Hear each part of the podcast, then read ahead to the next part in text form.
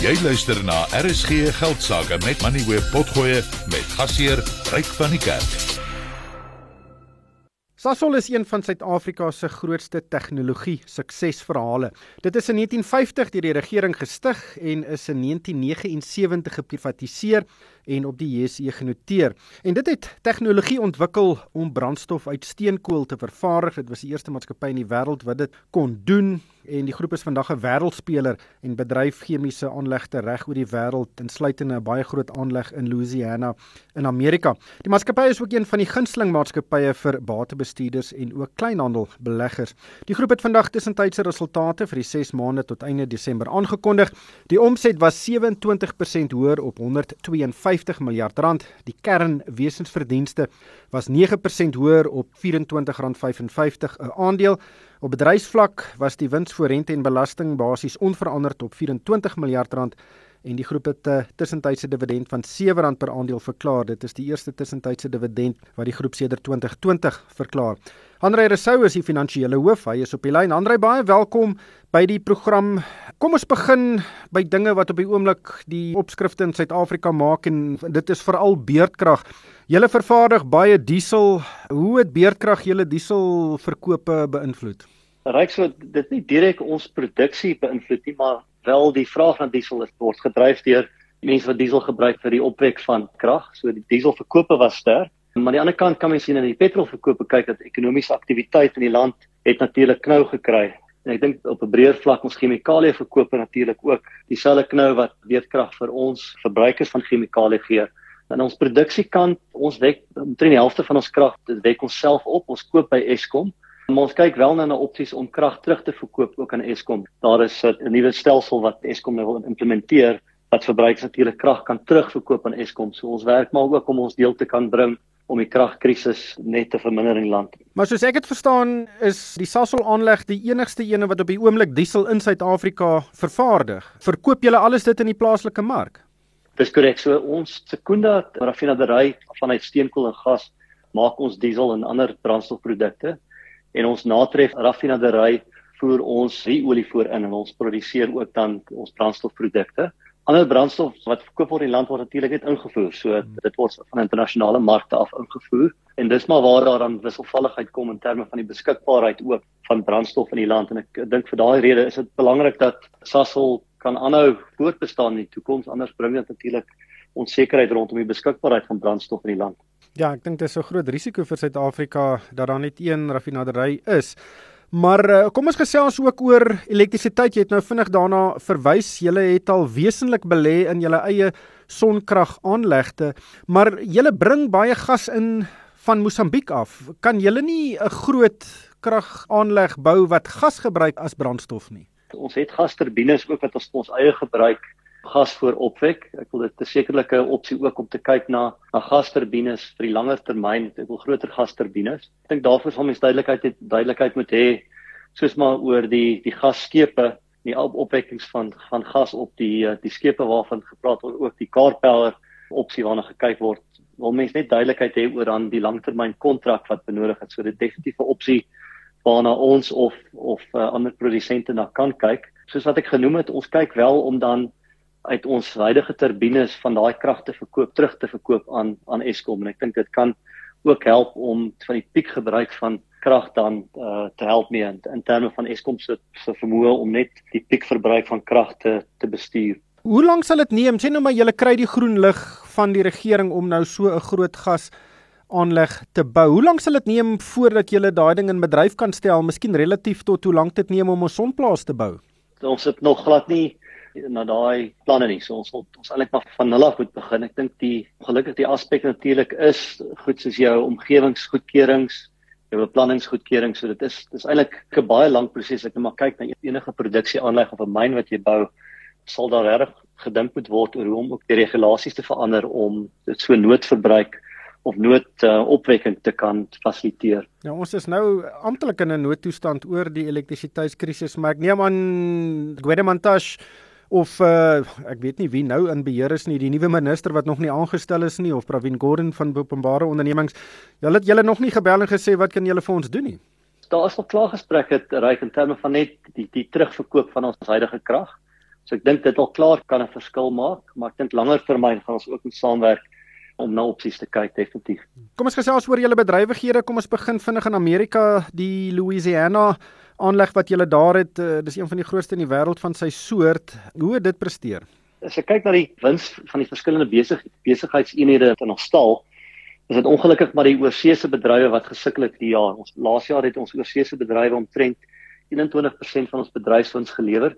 Hierdie jaar is dit slegs 3%. Ons het geen winste gemaak in Amerika nie en, en maar baie lae winste in Europa. En dis maar basies om op rede die die die die, die ongelooflike inflasie in die insetkoste veral gas en gasekwivalente wat wat ons gebruik om chemikalieë te maak. So as ons kyk na die gaspryse in Amerika en in Europa, dit ons natuurlik deur die dak geskiet. So ook etaan wat ons gebruik om af te breek in etyleen en plastieke mee te maak. Dit het daai marges 'n verskriklike knou gegee en natuurlik dan ook die die impak van laer vraag na ons produkte, die kopers se verlaagde vraag en dan verlaagde voorraad wat hulle hou met 'n het 'n groot impak gehad op daai besighede wat 'n hoër basis het in terme van vaste koste. So ons het gesukkel om winste steeds uit te te knyp daarso. Dit moet 'n ongelooflike teleurstelling wees want julle het so baie geld in daardie aanleg belê. Die koste was dramaties hoër as wat aanvanklik voor begroot is uh, en dit is altyd gesien as uh, Sasol 2.0, die nuwe fase van Sasol om nou basies nie geen geld daar te maak nie met 'n geweldige groot probleem wees vir julle. Wat wat is die vooruitsigte daar? Ja, ek ek dink reg die perspektief stel dat die ons kyk na die na die na die gasprys histories wat ons nou gesien het oor die laaste jaar is is nie iets wat ons sekerlik nie al my leeftyd of uh, meeste mense se leeftyd gesien het nie. So die die internasionale 'n Europese energiekrisis nie maar wêreldwye gas uh, gastekort wat daar was as jy kyk na vloeibare uh, natuurgas uh, het natuurlik ook 'n groot vraag gekom om net die Russiese gas te verplaas in in Europa. So ons sien dit as 'n as 'n korttermyn impak op ons besigheid. Ek dink vir die feit dat ons gediversifiseerde portefeulje het, het ons 'n vermoë om net die oë toe te knyp en daar en daar deur te kom. Maar in terme van die langer termyn volhoubaarheid van daai besigheid, dit is die kwaliteit van daai onderliggende bates relatief ook tot ander bates. Ons is ons is vol vol vertroue dat daai dat daai bates weer sterk kontantvloei sal lewer en dat ons natuurlik dan 'n opbrengs kan kan lewer op daai die kapitaal wat ons belê het in Amerika en so ook in ons Europese besigheid. Dit is maar siklies. Uh hierdie is 'n is 'n siklus wat ons nog nooit voorheen gesien het nie. Maar ons sien dan nou ligpunte aan die einde van die tonnel. Ons klaar in ons in ons Januarie en en Februarie vooruitskatting sien ons dat die mark begin oopmaak is natuurlik dat uh, die die gaspryse het begin om te normaliseer en en daar kom weer kontant uit daai besighede uit. Natuurlik daardie aanleg het ook vir julle groot skuldprobleme gegee. Julle het 'n klomp bates verkoop en sluitende 'n belang in daardie aanleg van julle skuld te delg. Maar ek sien in die tydperk aan die einde van Desember was die skuldlas net so oor die 110 miljard rand. Dit was effens hoër as wat dit in Junie verlede jaar was en julle hefboomverhouding het van 42% tot 47% gestyg. Nou dit is dalk 'n bietjie tegnies, maar dis 'n kritieke verhouding vir maatskappye wat wys hoeveel skuld die besigheid het relatief tot hulle eienaars kapitaal. Hierdie hefboomverhouding van 47% klink baie hoog. Is dit vir julle hoog en voorsien julle dat dit dalk in die toekoms kan daal? In terme van die huidige vlak, ons is baie gemaklik daarmee. Die skuldvlak is ook natuurlik vir ons belangrik in terme van ons vermoë om terug te betaal en as ons daarin vertrou het, dan kan ons natuurlik ook dividend betaal. So ek dink ek dink die feit dat ons wel nou 'n uh, tussentydse dividend verklaar het, na ons ook die voljaar dividend laas jaar verklaar het, behoort ook aan vir die beleggers vertroue te gee dat ons vertroue het ons vermoë om ons skuld terug te betaal. Eh, ryk is ook belangrik dat ons kyk na die konteks oor die, kontantvloei generasie in die eerste helfte van die jaar. Ons eerste helfte van hierdie finansiële jaar was gekenmerk deur ook laer produksievolumes van ons Synfuels bate.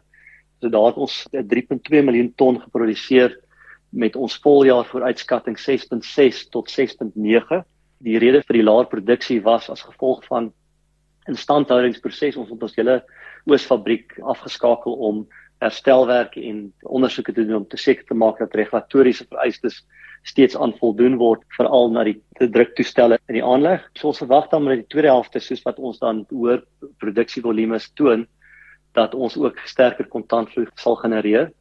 Ons het ook natuurlik probleme gesien in ons aanleg met hoë reënval laer steenkoolkwaliteit. So dit het ook 'n bietjie gekniehalter in die eerste helfte, maar weer eens verwag ons en ons het ons vandag verder aspekte gedeel met die mark rondom ons herstelplan vir die tweede helfte van die jaar. Julle is baie afhanklik van Transnet om van die steenkool wat julle uitvoer by die Richards Bay terminaal te kry en al die maatskappye, al die kommoditeitsmaatskappye sukkel met Transnet want as hulle nie dit kan uitvoer nie, kan julle dit nie verkoop nie. Wat is die situasie tans en het julle al dalk hulp aangebied aan Transnet om dalk self van hierdie spoorbedrywighede te bestuur? Dit is vir ons 'n belangrike byproduk is ons uitvoer steenkool. Ek wil sê dat ons produseer oor die 30 miljoen ton steenkool wat ons self omskakel na olie en chemikalieë en ons voer omtrent in 'n goeie jaar voer ons omtrent 2 miljoen ton uit. So dis nie die grootste deel van ons bedryf nie, maar maar is lekker om 'n bietjie room te kan verkoop net om die melk wat jy te gebruik bietjie goedkoper te maak. Ongelukkig soos wat jy sê het, eh, het Transnet gesukkel om steenkool te vervoer tot by Richards Bay. Dit is ver onder verwagting, omtrent 20% onder verwagting verwagtinge gewees in terme van ons uitvoer steenkool. Ons het wel gesels met Transnet, ons is een van die kleiner aandeelhouers in Richards Bay omtrent 4%. So ons het ook ons hulp aangebied klink vir my regtig of die probleem baie lê aan die sekuriteitskant en sabotasie. So waar ons kan help daar het ons het ons ook hulp aangebied. Maar ons hoop tog dat daai iets uh, baie steenkool uitvoere sal verbeter. Op die oomblik word die industrie vir omtrent 60 miljoen ton se uitvoer hierdie jaar en op die oomblik lyk dit nie regtig of ons daar gaan uitkom nie.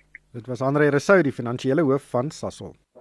Jy het geluister na RSG Geldsaake met Money where potgoe elke weeksdag om 7 na middag. Vir meer Moneyweb potgoe, besoek moneyweb.co.za of laai die toepassing af en volg Moneyweb News om dagliks op hoogte te bly.